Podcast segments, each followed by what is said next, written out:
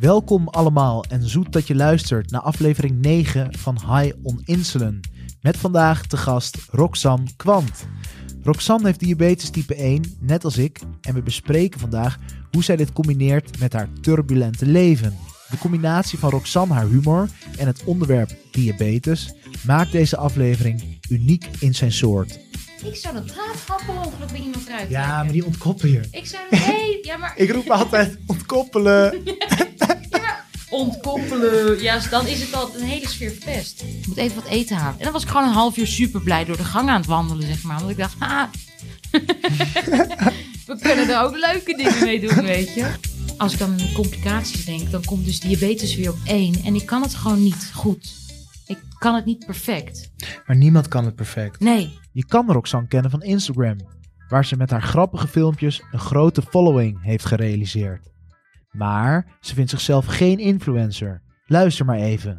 maar ik ben helemaal geen influencer. Influencer, dat, is, dat heeft zo'n nare smaak bij mij. eh. Waarom heeft dat een nare smaak? Omdat eh, eh, hè, Ex on the Beach, Temptation Island, eh, die eh, witte, hè, om je tanden wit te maken, van die bleeksetjes, dat zijn influencers voor mij. Die gewoon alles pakken, alle deals pakken, alles doen voor geld, weet je, snel geld willen hebben. En ik, het gaat erom dat, dat, dat ik, ik doe gewoon mijn ding, lekker humor, leuk, geintjes maken. En af en toe zitten ook hè, betaalde dingen bij, dat ik eh, er ook nog eens van kan leven. Maar ik, punt één is dat ik het leuk vind om te doen. En Ja. gewoon hè, humor, following, dat is het grootste part. En second is dat ik denk, oh ja, chill, er valt ook nog wat mee te verdienen. Ja, wat goed dat je dat dan hebt gevonden, want dat is niet zo easy om iets te vinden waar je echt ja, heel blij van wordt en waar je ook nog een beetje geld mee kan verdienen. Ja, en wat ook goed te combineren valt met eh, diabetes hebben. Ja. Ik had altijd, als ik dan ging studeren, of eh, ik heb twee studies gedaan. Ik heb zeven jaar over mijn HAVO gedaan. En daarna dus twee studies, allebei niet afgemaakt. Omdat ik altijd wel wat had met diabetes. Of bloedsuikers ging niet goed. Of ik kon niet leren omdat dit en dat. En gezeik, zeg maar. Nou, toen kon ik ook geen leuke baan vinden. Want overal waar ik dan ging werken, had ik weer, had Roxanne weer eens een hypo. Letterlijk was ik vier uur lang aan het werk, niks aan de hand. Had ik een hypo en dan hoorde ik na vijf minuten, ja, ben je al klaar? Voel je alweer goed? Kan je weer gaan werken? Toen dacht ik, nou, dit is, ik kan jou aan elkaar slaan. Maar ehm, toen kwam dit zeg maar een soort van vanzelf, begon ik te groeien op Instagram. Video's maken, presenteren. En toen dacht ik, hé hey, ja, dit, dit, dit is best wel goed te doen. Want jij dacht, ik ga wat dingetjes posten en het bleek dat het grappig werd gevonden door Ja, mensen om je heen. Exactly. Toen dacht ik, hé, hey, wat leuk, ik krijg volgers mee. Ik vond Instagram gewoon leuk. Gewoon leuk foto's posten, content maken, een beetje origineel zijn. En toen kwam echt, dus, dus als tweede, dat ik opeens heel veel volgers kreeg. En ik merkte ook hoe ik die kreeg door, door gewoon hè, lekker mezelf zijn, humor, beetje kutten, beetje, beetje grappig doen. En dat ging heel hard. Ik dacht, oh, nou, dit werkt, leuk, gaan we doorzetten. Ik kreeg een soort van motivatie eh, van om het op, gewoon op te pakken. Ja, want je hebt natuurlijk een grote following. Op verschillende manieren eh, kan je jezelf profileren online. En jij doet het echt op een manier waar jij van denkt, zo ben ik zelf. Ik hoef niet te pushen om bepaalde dingen te doen. Zie ik dat, zeg ik dat goed? Of Ja, ja. push je jezelf wel? Nee, kijk, tuurlijk heb ik wel af en toe dat ik denk van, oh ja, we moeten wel even wat eh, blijven posten. Een beetje ehm, dingen blijven showen aan je, aan je publiek. Het is ook wel een soort van mijn werk nu een beetje geworden. Maar het is voor mij echt leuk. Ik vind het echt leuk om dan nieuwe video's te maken, nieuwe content te maken. Oh, mensen vinden het grappig. Vind ik, vind ik geweldig. weet. Dat is leuk. En dat is leuk. Maar als je het andersom hebt, dus dat je denkt, hé, hey, ik wil geld verdienen met Instagram. Of ik wil influencer worden. Dan moet je echt denken van, waarom wil je influencer worden? En dan gaat het meestal om eh, dat mensen geld willen verdienen. Denken, dit hier, eh, hier kan, ga ik mijn baan van maken.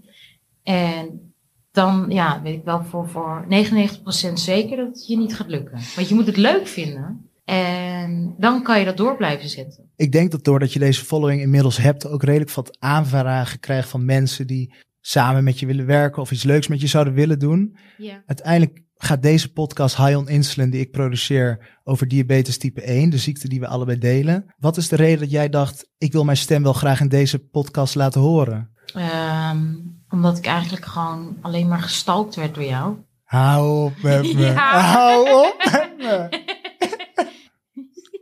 Oh, ja, dat is Ja, waar. nee, ja, gewoon. Ik dacht, ja, leuk, is goed. Een beetje, ik, we- want ik, Eh, op mijn eigen socials doe ik, natuurlijk, ik heb dat account Diabetes met Rox, waar ik dan af en toe Ja. post.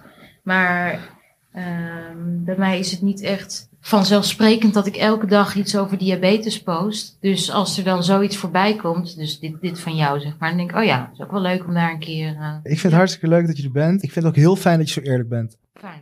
Ik begreep dat jij insuline spuit. Ja. Eh, ik heb zelf een pompje. Kan je misschien uitleggen kort aan de luisteraar waarom je dat doet? En dan eh, ja, heeft iedereen een beeld. luiheid. Luiheid. Lui, ja. Hoe bedoel je dat? Nou, omdat ik heel graag een pompje wil. En een half jaar geleden al helemaal het proces ging starten van ik wil een pompje, wa wa. Eh, afspraak gemaakt, alles. En toen moest ik een heel dagboek bij gaan houden met ins, hè, koolhydraten tellen, hoeveel spuit je dan. En dat moest ik dan, dan twee weken lang achter elkaar doen. Nou, toen kwam Verona Kairos en toen kon ik daar geen afspraak meer maken. En toen zei ze, nou dan moet het online en dit en dat. Toen dacht ik, ja, maar heb ik even hele- helemaal geen tijd voor. dat is luiheid, dus ik wil het heel graag. Ja, voor de iets minder trouwe luisteraar eventjes dit. Diabetes type 1 is de ziekte die Rox en ik delen. Dit is een auto-immuunziekte die onze insulineproductie lam heeft gelegd. Hierdoor moeten patiënten zelf insuline toedienen en dit kan op verschillende manieren. Eén van die manieren is om insuline te spuiten en dit is wat Rox doet. Ik zelf gebruik een insulinepompje en dit is eigenlijk wat Rox zelf ook zou willen. Hier is, maar toch zit je na te denken om ook Ja, naar die pomp ik over te gaan. Echt heel graag die pomp. Ja. Ja. Want dat, ik denk dat het zorgt voor iets meer eh, rust ook. Ja. Eh, Zoals ik al zei, bij mij is alles altijd één groot chaos. Ik hou er ook wel van. Maar soms ga ik de deur uit en jij hebt je pompje, zit, zit aan jou vast. Weet Ja. je. Heb je er ook een kleine afstandsbediening voor? Ja, de, dat, de afstandsbediening zit zeg maar op het apparaat. ik Nou, haal hem even uit mijn zak. Ja, kijk, Zie je een draadje en dan een, een schermpje met onder dat schermpje allemaal knoppen waar ik ermee kan bedienen. Kijk, dus jij gaat de deur uit. En het is heel knap als je dat ding vergeet. Juist. het aan je vast zit. En ik ga de deur uit. Je, je en vergeet ik het. moet die Ja. pen hebben en die naaldjes. Dus ik ga soms heel blij, rijd ik ergens naar een afspraak toe. En dan denk ik, ik heb mijn pen niet bij me. En dan ben ik gewoon de lul. Dan moet ik weer Als je dan op de snelweg zit, ben je fucked. Ja, Ja. ja, En je kan niet, niet, niet een U-turn maken op de snelweg. Dus dan... En dan ook hetzelfde met naaldjes. Die vergeet ik ook heel vaak. Ik snap heel goed wat je zegt en ik snap ook je vraag. Zit er een afstandsbedieningetje bij die pomp? Want als ik over mezelf nadenk, als er een afstandsbedieningetje bij had gezeten, dan had ik het zeker kwijt kunnen raken. Daarom, ja. Als je een beetje chaotisch bent, is zo'n pomp met snoer dus best wel fijn, omdat je gewoon aan je lichaam vastzit. En alleen afgedaan wordt tijdens sporten of douchen. Maar blijf jij soms ook wel eens met dat pompje achter de deur hangen? Ja, zeker. Dat gebeurt wel eens. Als hij er dan uitgetrokken wordt. ja, dat is grappig.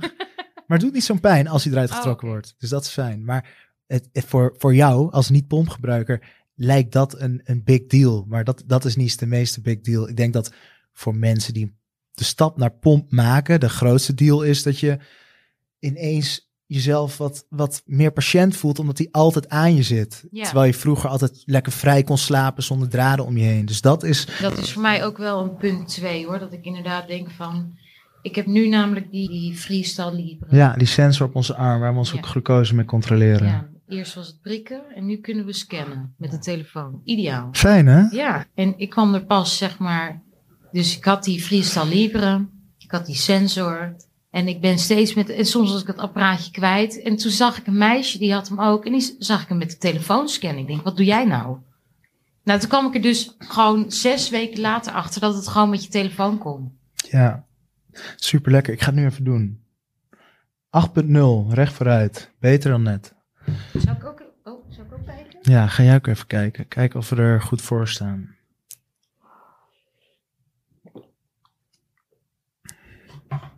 Ja, kijk.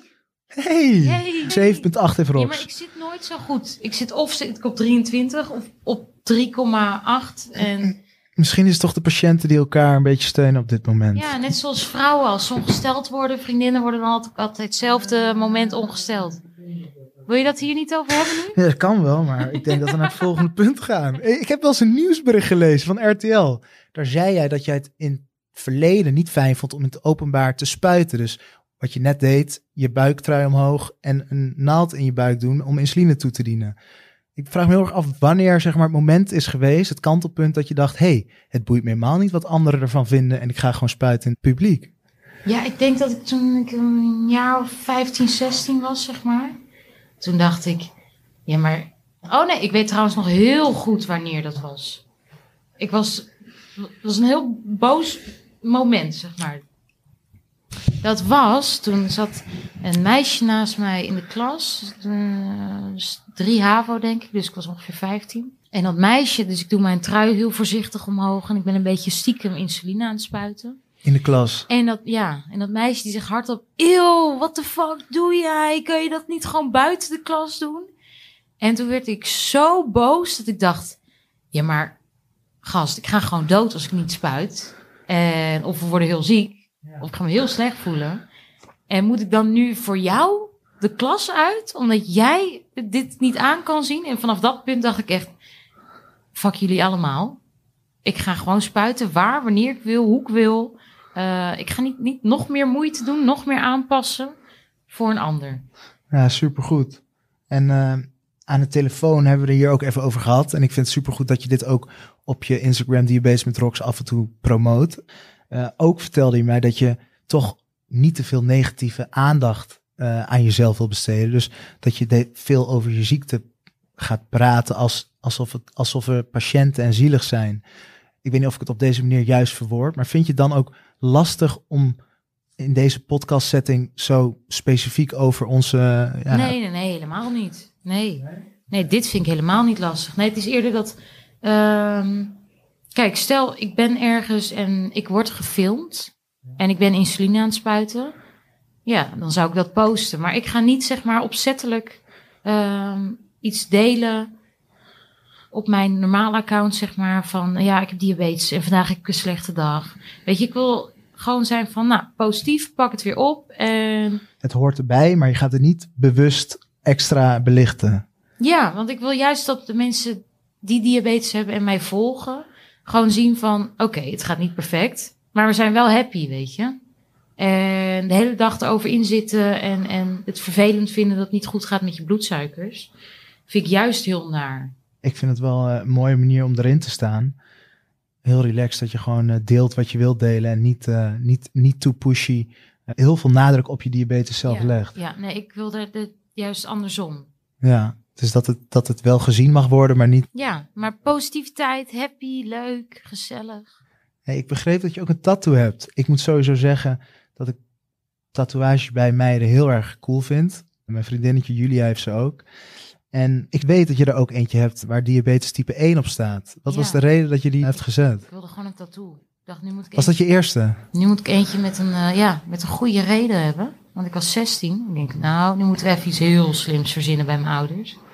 En toen zag ik dat mensen dus in Amerika, volgens mij, dus op hun pols zetten dat ze diabetes type 1 hadden. En dat als ze dan oud gingen, dat ze dan een pols konden laten zien. En ik had ook toen, vanaf het moment dat ik het kreeg, tot ongeveer 18, had ik, eh, dat als ik een hypo kreeg, kon, snapte ik en overal gewoon nergens meer wat van. En ik kon niet meer praten. Dus het was een beetje brabbelen. En dan had ik een hypo. Het enige wat eruit kwam was limonade of, of suiker. Of, omdat ik het pas heel laat voelde als ik een hypo kreeg. Dus echt als ik al bij de twee zat, zeg maar.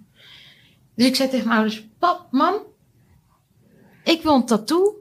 En we doen diabetes type 1, zeg maar. Dus diabetes eh, diabetic 1. Eh, dat als ik dan een hypo heb, dat ik dat kan laten zien. Aan of ambulance of iemand die me dan helpt. Of, eh, En wat zeiden je ouders? Ja, Lekker top. doen. Ja, ja, drie dagen later zeiden we, ik denk yes. Mag ik hem zien? Diabetes 1, ja, diabetic 1. Claire. En hij heeft je al een paar keer geholpen? Ja, nou ja, eh één keer echt, echt op een eh, festival toen ik 16 was. Het was gewoon zo'n zo'n overdag festival, zeg maar. Ik was niet eens aan het drinken. En toen eh, kwam er een punt dat ik gewoon oud ging en dat ik tegen een, een hek aan zat. En dat, dat er mensen voorbij liepen, ah, die is dronken, zo eh, leuk. En ik dacht echt, nee, nee, help, paniek, paniek. Ik raakte echt in paniek. Fanta, geef me Fanta. Ja, ik kon niet uitbrengen. En toen, eh, toen kon ik dus aan, aan, aan een jongen laten zien van... Die snapte het ook niet. Maar die snapte wel dat wat aan de hand was. Die snapte nog niet wat er stond. En toen echt bij, toen dus eh, de EHBO kwam... Nee, toen de EHBO kwam, die zagen meteen... Oh ja, oké, zij heeft... die Suiker Ja, nodig. ja, ja. Want eventjes voor de luisteraar die niet bekend zijn in het veld van diabetes, uh, waar Roxanne en ik het nu over hebben, is een hypo. Dat betekent als je bloedglucose te laag is, dus onder de 4 millimol per liter bijvoorbeeld, dan kun je een beetje trillerig worden in het begin. Maar als dat verder doorschiet, dan kan het gevaarlijk worden. Ja, dan uh, weten de luisteraars waar we het over hebben, Roxanne. Vergeet steeds dat je, dat je ook luisteraars hebt, natuurlijk. Ja. ja, daar doen we het voor.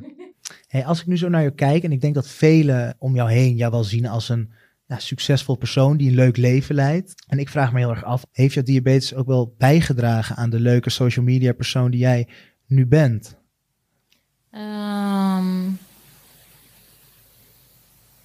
ja, maar eerder qua, qua persoonlijkheid, zeg maar. Hoe dan?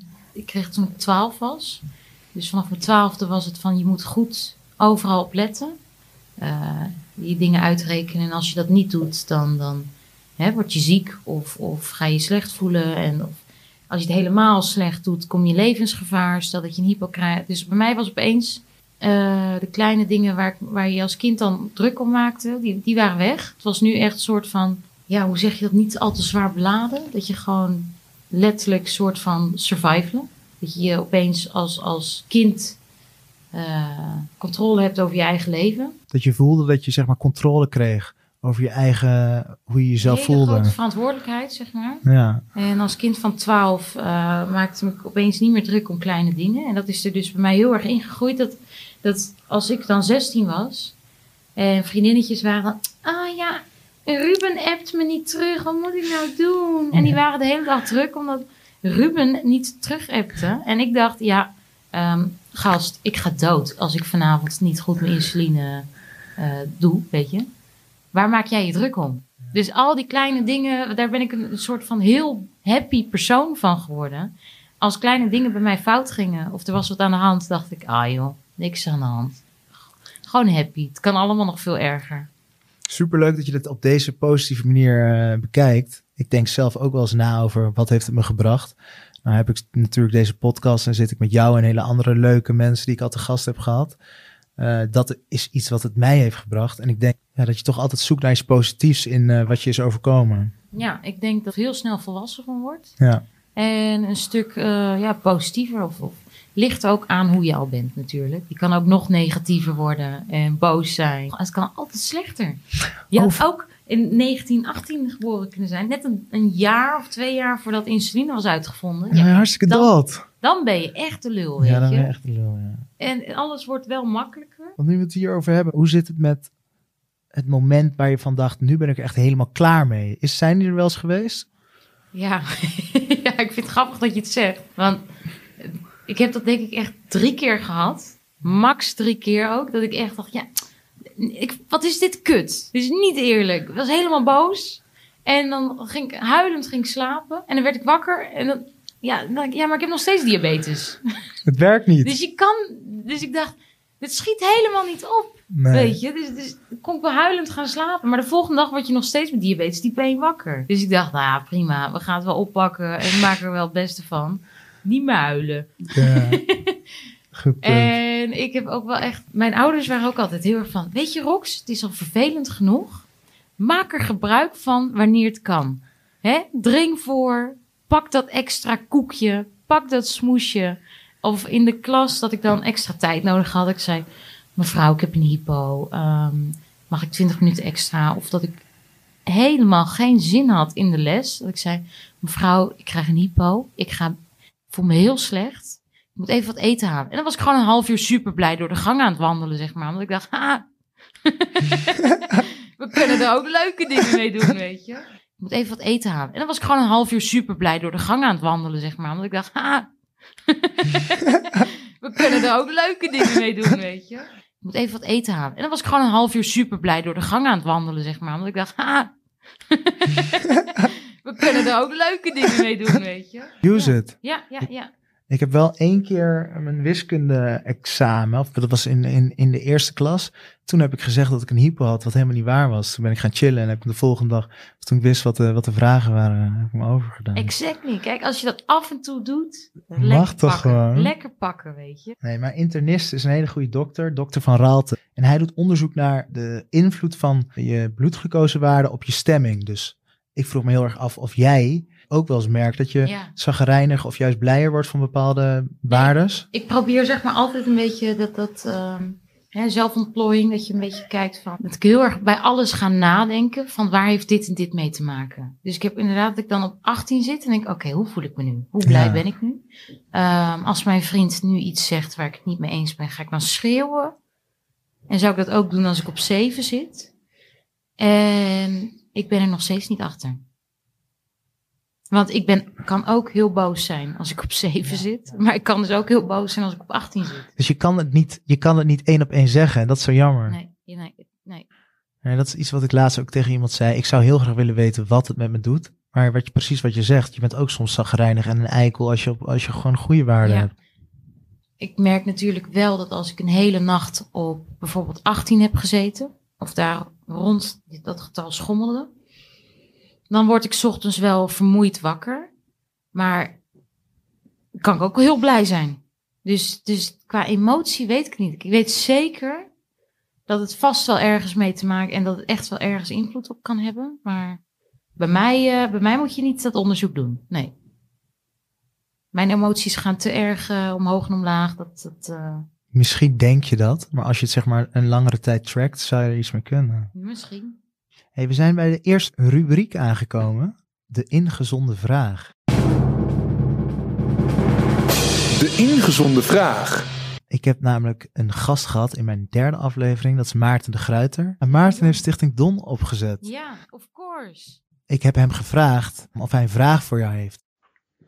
Hoi Roxanne, leuk dat ik jou als positief rolmodel voor jonge vrouwen met diabetes een vraag mag stellen. Jij brengt met name de praktische problemen waar diabetespatiënten tegenaan lopen op een heldere manier onder de aandacht. Waarom geef je ook niet wat meer aandacht aan de desastreuze en ingrijpende complicaties die diabetes veroorzaakt? Dankjewel. Ja, Maarten heeft, heeft hier wel echt een, een goede vraag. Ehm, nou, omdat ik heel graag happy en positief wil blijven. En dat zodra ehm, ik denk aan complicaties. Dus ik heb zelf al een paar dingen waarvan ik denk aan mijn lichaam. hey, ik begin al dingen te merken. Of dat ik bang ben dat ik die complicaties krijg. Wat zijn dat dan? De, mijn ogen die gaan achteruit. Niet heel hard, maar ik merk nu dat zodra ik schommel, dat ze zeg maar dat ik wazig zie. En dat had ik vroeger nooit. Dus het gaat nu. Mijn ogen reageren daar sneller op. Ja. En dat, dat ik heel depressief word als ik nadenk over complicaties. En dat ik daar bang ben. Dus ik ben heel erg bang voor complicaties. ja. En dat als ik daar zelf dingen over ga delen, wordt het een hele negatief beladen sfeer wordt het dan. Want ik wil juist happy, positief dingen delen. En ik kan ook wat dingen delen van, nou weet je, het kan zo zijn dat, eh, dat je over 20 jaar geen voet meer hebt. En of het kan zo zijn dat je ogen keihard achteruit gaan. Maar daar word ik helemaal naar van. Ja, ik denk de reden dat Maarten dit vraagt is omdat Maarten natuurlijk geld ophaalt om diabetes te genezen. Ja. En de manier om geld op te halen is toch het volk te laten, Ja, laten ja. zien dat het gevaarlijk is om diabetes te hebben en dat het geen kattenpis is. En dat er dus, ja, Maar dat, het dus het slecht is dat- voor je dat ogen en slecht is voor je vaten. Dus ik snap zijn vraag heel erg goed, maar ik snap jouw punt natuurlijk ook. Nee, Je hebt geen zin om negatief absoluut, de boel niet negatief te belichten. Ik zou dus niet weten hoe ik dat moet delen. Dus dat is misschien een ding waar ik gewoon energie in moet steken. Hoe ik dat moet delen. Eh, op een manier dat het zeg maar informatief is. Ik wil me natuurlijk niet te veel bemoeien met de manier hoe Roxanne zich online zou moeten profileren. Maar haar grote following kan natuurlijk ook een hele grote positieve impact maken. En dat is ook een van de redenen dat ik haar hier heb uitgenodigd. Ik begrijp ook heel erg goed dat de stijl van Roxanne op Instagram en haar sociale media vooral heel veel humor bevat en dat diabetes hier niet helemaal tussen past. Aan de andere kant hoor ik haar ook zeggen dat ze niet precies zou weten hoe ze het moet delen. Informatieve content over diabetes type 1. En ik denk dat Stichting Don, opgericht door Maarten, hier misschien wel mee kan helpen. Het lijkt me daarom een goed idee dat ze eens samenkomen om de mogelijkheden te bespreken. Aan de andere kant hoor ik haar ook zeggen dat ze niet precies zou weten hoe ze het moet delen. Informatieve content over diabetes type 1. Het lijkt me daarom een goed idee dat ze eens samenkomen om de mogelijkheden te bespreken. Ja, ik, zoals ik al zeg, ik weet niet hoe ik dat moet doen. Ik ben zo blij en happy en dan kom ik opeens aan met, ja, maar pas op hè. ik zag altijd. ehm, eh, werkte ik vroeger bij de Albert Heijn achter de kassa. En er liep altijd één meisje en die had maar één voet. En die, liep, ehm, die had zo'n pro- prothese. En ik dacht, wow, die, is, eh, die was 22. En ik wist nooit waarom zij een prothese had. Tot ik het een keer vroeg. Zegt ze, ja, ik heb diabetes type 1 en ik had een wondje aan mijn voet eh, anderhalf jaar geleden. Nou, ik was 17. Ik raakte een partij in paniek. Daar begon het waarschijnlijk. Dat ik dacht, nee, nee, nee, paniek, paniek. Eh, je, maar ik ben, ik ben wel vijf jaar, heb ik geen voet meer, weet je. Ja. En, nou, maar soms zie ik dan zeg maar hele coole protheses. Echt heel cool, zeg maar. Echt zo'n robotvoet. En denk ik, oh, Die zou ik wel als we willen een keer hebben. een voet kwijt zijn, dan wil ik die. Weet je, dus als het zou gebeuren, komt toch ook wel weer semi-goed. Ja. En dan heb ik al een vriend, hè? Dus ik vraag hem ook heel vaak van, zou je, zou je me nog leuk vinden als ik geen been meer heb? En wat zegt hij dan? Hij zegt, ja, wel iets minder leuk, maar ik zou wel bij je blijven. Dat is wel lief van hem. Ja, is wel lief van hem. Ja. Ja. Ja, ik snap. ik snap je punt heel erg goed. Dat je niet te veel negatieve aandacht eraan wil besteden. Want dan, ja, dan wordt het leven ook gewoon minder leuk. Ja, maar ik, ik, eh, ik snap het ja. Alleen dat zou ik dan eerder, ja, ja, nee, ik weet het echt niet. Maar je zou het willen. Tuurlijk. Alleen ik ben er echt oprecht heel erg, heel erg bang voor. En ik wil er, want ik merk dat als ik daarover na ga denken, dat ik dus in paniek raak, omdat het bij mij niet perfect gaat met mijn bloedsuikers en alles doen. Maar dat komt omdat mijn leven is zo'n één grote chaos met, met mijn werk. En elke dag ziet er anders uit. Elke dag eh, ben ik druk. Diabetes komt bij mij toch gewoon een beetje op nummer twee. En dat is lastig. Ik probeer het met nummer één te combineren met werk en leven. Maar als ik dan aan die complicaties denk, dan komt dus diabetes weer op één. En ik kan het gewoon niet goed. Ik kan het niet perfect. Maar niemand kan het perfect. Nee. En, de, Dat- Je bent daar niet alleen in. en ik heb het gevoel dat ik het perfect moet doen om die complicaties te voorkomen. En daar krijg ik stress van. Ja. Maar Het zal vast wel meevallen. natuurlijk valt Want het mee. mijn voeten liggen elke zomer helemaal open. Ik ben zo lomp als maar kan. Ik En heb altijd wondjes en echt mijn teen ligt er nog net niet af. Omdat ik... En ze helen altijd goed. Alles gaat goed. Ja. En dat meisje was in een, in een splinter van hout gaan staan. Snap je? Het meisje Roxanne. Nee, het meisje met de Oh, prothese. die. We hebben nog over de prothese. Tell me. Ja, nee, maar die, die had het al veel langer. Dus dan die, die nee, complicatie. die had het net een paar jaar. Dat kan niet. Ja, Dat kan niet. Haar voet, zij was in een splinter van hout gaan staan op vakantie. Hij was met haar vriendin op Mallorca volgens mij. Ehm, heeft het niet goed ontsmet. Is toen gaan, kwam een infectie in de voet, dus een ontsteking in de voet. Heeft ze niet laten behandelen, is ze gaan vliegen. Terug in Nederland was die hele infectie in haar voet getrokken. Holy shit. Ja, dus zij was gewoon eh laks. Dus dat is wel het verschil bij mij. Zodra ik een wondje heb aan mijn voet, en dan ga ik meteen ontsmetten, een verbandje erop. En, dus ik ben wel lomp, maar ik zorg wel voor nazorg. Dus je moet niet nalatig zijn. Komt allemaal vast goed, maar je moet wel een beetje. Ik zit na te denken over wat je net zei. Dat je zegt dat je het niet goed kan. Maar dat is iets dat iedereen denkt. Ik denk dat er weinig patiënten zijn die denken: ik kan het heel goed. Iedereen heeft zijn pieken en zijn dalen en zijn, Ja. zijn, zijn zure momenten. Dus het is niet. En het lijkt altijd alsof iemand anders veel gestructureerder en beter is. ja. Ben ik echt jaloers.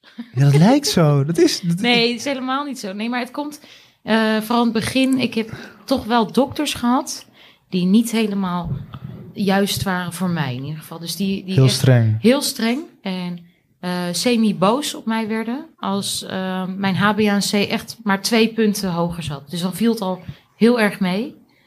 En echt, nee, je doet dit niet goed, je doet dat niet goed. En dan, dat, het heeft zo'n kras bij mij achtergelaten dat ik dacht, nou, die... eh, en nu heb ik wel fijne dokters die zeggen, nee, ja, en dan gaan we dit proberen. Oh, dan gaan we samen even kijken hoe we dat gaan doen.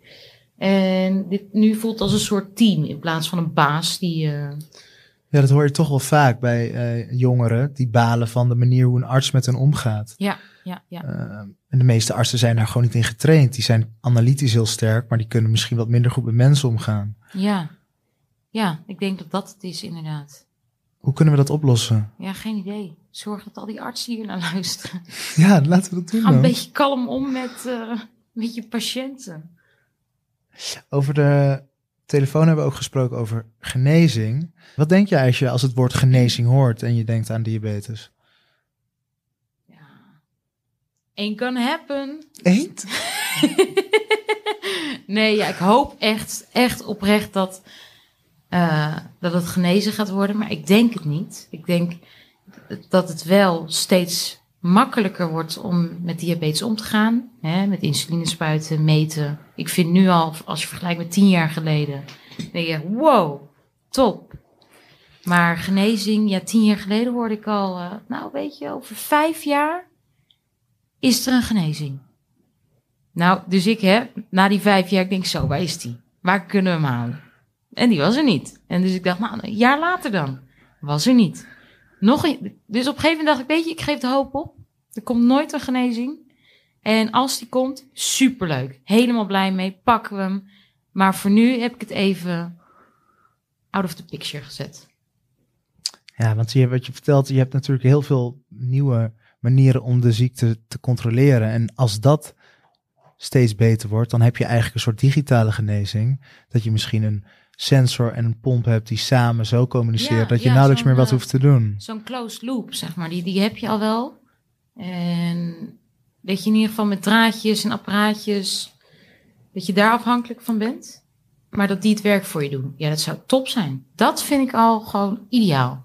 Misschien beter om dan al het geld, zeg maar, Naar digitalisering te doen? naar digitaliseren pushen in plaats van genezen en poepdingen in je neus stoppen. Ja, dat vond je grappig, hè? Het poeponderzoek. Ja. Wat had je daar ook weer mee gedaan? Eh, ja, wat was het artikel ook weer? Een soort van. ehm, met een poeptransfusie keken ze nu of ze dan diabetes type 1 konden genezen. Ik dacht, echt, hoe kom je daarop? Ja, Dan, dan, dan maar diabetes hoor. Er komt geen poep mijn neus in, weet je. Een aantal onderzoekers in het AMC, waaronder Coco Fury Snetlagen, die doen onderzoek naar poeptransplantaties bij diabetes type Ja, maar 1 we moeten patiënten. hè, want Don, eh, Don, Don eh, financiert het allemaal. Ja, ja, maar dat is hartstikke goed. Die doen dus transfusies met poep, Ja, transplantaties moet ik zeggen. En dat schijnt te werken tegen diabetes ja type 1. darmflora of wat dan ook. Ja, ik heb het gelezen. Hoe het Nou, precies als werkt? het werkt, geweldig. Wel? Ja, oké. Poep in je neus. Ja, dat, maar dan zeg ik het tegen niemand. Dan zeg ik, ik ben opeens van diabetes af. Hoe dan? Ja, geen idee. Zomaar. Dat zou lekker zijn, hè? Vorige podcast heb ik opgenomen met Bart Roep. En Bart is een grote eh, man in het veld van genezing op het gebied van diabetes type 1. En ik heb dat jij te gast was. En hij zei, wat leuk. En ik wilde hem niet eens zeggen dat hij een vraag moest stellen. Maar hij zei, ik wil Roxanne ook een vraag stellen. Dus naast Maarten heeft ook Bart een vraag voor jou. En ik zal hem even laten horen. Ik ben heel erg benieuwd wat je van zijn vraag vindt. Dag Roxanne, hier een vraag van Bart Roep vanuit Hollywood. Ehm, medici en wetenschappers zijn eigenlijk ook een soort influencers, net als jij. En soms denken we overal verstand van te hebben en dat mensen op onze mening wachten. De kunst is voor mij eh, dus eh, vaak om de juiste battle te kiezen, wat me niet altijd lukt. Eh, heb jij dat ook? Dus, dus wat hij zegt is dat hij dat mensen om meningen vragen van hem of, of wetenschappers. Ja, ik, Bart doet natuurlijk heel veel onderzoek naar genezing van diabetes. En hij vindt het zelf denk ik lastig om zijn focus alleen op dat doel in zijn leven te houden. Nee, ik denk eerder dat hij zegt dat hij de battle dus altijd zijn mening wil laten horen. Maar dat hij niet weet hè, waar, welke battle die nou moet kiezen. Of waar hij nou op moet reageren. Zullen we nog een keer luisteren? Ja. En nu, nu in, in hoe ik hem zei. Ik ga proberen te Ja. begrijpen zoals Ja. jij hem begrijpt. Dag Roxanne, hier een vraag van Bart Roep vanuit Hollywood. Ehm, medici en wetenschappers zijn eigenlijk ook een soort influencers, hè, net als jij. En soms denken we overal verstand van te hebben en dat mensen op onze mening wachten. De kunst is voor mij eh, dus eh, vaak om de juiste battle te kiezen, wat me niet altijd lukt. Eh, heb jij dat ook? Hij denkt overal verstand van te hebben. Ja, ja. En dat, dat, dat, dat iedereen op zijn mening wacht. Dat denkt hij, zeg maar. Dus dat hij daarom altijd losgaat. eh Als hem ook maar iets wordt gevraagd. ja, Maakt niet uit wat. aangaat of dat er dingen zijn en dan wil hij daarop reageren, zeg maar. Nee, Heb jij niet. helemaal niet. Nee, ik soms zie ik dingen voorbij komen en dan denk ik, nee, niemand zit hier op mijn mening te wachten. Dat is denk ik, eh, nee. Dat is misschien meer Bart eigen dan eh, dat jij ja, dat ook het is hebt. Bart zijn, zijn, zijn enthousiasme en, en strijdlust om overal eh, hè, zijn mening over te delen, maar mij niet gezien hoor. Ja, ik heb Bart gisteren toch nog maar eventjes gesproken om deze onduidelijkheid te verhelpen. En wat vertelde hij mij nou? Met zijn vraag probeerde, ja sorry Bart, je probeerde een grap te maken over Roxanne, haar collega Femke Louise. Een influencer die met Jinek bij Gommers in discussie ging over het coronavirus. Bart zei dat hij zichzelf ook wel eens in zo'n situatie had gebracht. Hij had namelijk hardop zijn twijfels uitgesproken of MS wel een auto-immuunziekte was. Velen vielen over hem heen, behalve de patiënten. Daar kreeg hij, zogezegd, fanmail van. En Bart zou Bart niet zijn als hij geen gelijk had.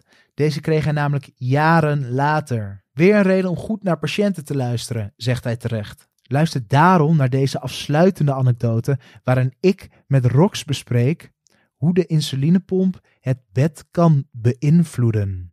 En je gaat naar bed met z'n tweeën. Ja, dat doe ik natuurlijk best wel. Dat doe ik wel eens. Dat doe je toch gewoon elk weekend, weet je. Nee, maar dat, dat- En dan, dan hangt die pomp daar. Ja, dan, dan, dan... Ja, maar denk je, wacht even. Jij als vrouw moet dat natuurlijk nu beoordelen over jezelf. Maar als jij een man hebt die dat heeft, vind je dat dan, vind je dat dan niet sexy? Het gaat mij niet om sexy. Het zou me eerder gaan omdat je dan... En dan gaat, maar dan gaan we denken we heel ver na. Hè? Maar hè, stel dat je dan bezig bent. Ik zou dat draad gewoon per ongeluk bij iemand eruit Ja, trekken. maar die ontkoppel je. Ik zou. Hey, ja, maar Ik roep altijd ontkoppelen. ontkoppelen. Juist, dan is het al een hele sfeer verpest. Klopt. Maar dan moet je het niet zo hard roepen als je zegt ontkoppelen. Nee, dit is wel, dit is wel een ding. Als er ontkoppeld wordt, dan weet iedereen wat er aan... heel klein staan. Ontkoppelen. Of dat, dat het niet eens tijd is ervoor, maar dat jij de kamer in komt lopen. Ontkoppelen. Dat... Maar dit, ja, dit is wel het gaat. Maar ik snap je punt. Oh. Maar wat vind jij... Wat, en ik ben gewoon lomp en ik, dat, dat draadje, dat is, dat, is, dat is echt ding. dan denk ik dat dat een hele mooie afsluiting is voor de podcast van vandaag. Top, doei. Doei. Ja, ik snap. Hoe kunnen we aflevering 9 van High on Insulin nou beter afsluiten dan met deze geweldig aanstekelijke lach van Roxanne? Ik heb genoten en geleerd van Roxanne haar onverwoestbare humor en dit onderscheidende interview. Ja, en komende aflevering 10 is een jubileum. En daarom host ik deze met niemand minder dan Tim Biemans, mijn allereerste gast voor de oplettende luisteraar. Samen interviewen we dan professor Nieuwdorp van het Amsterdam UMC over zijn veelbelovende poeponderzoek, waar Roxanne hem ook een vraag over zal stellen. Tot dan, vond je dit nou ook een leuke, interessante podcast? Geef ons dan een review op Apple Podcast. Bye bye.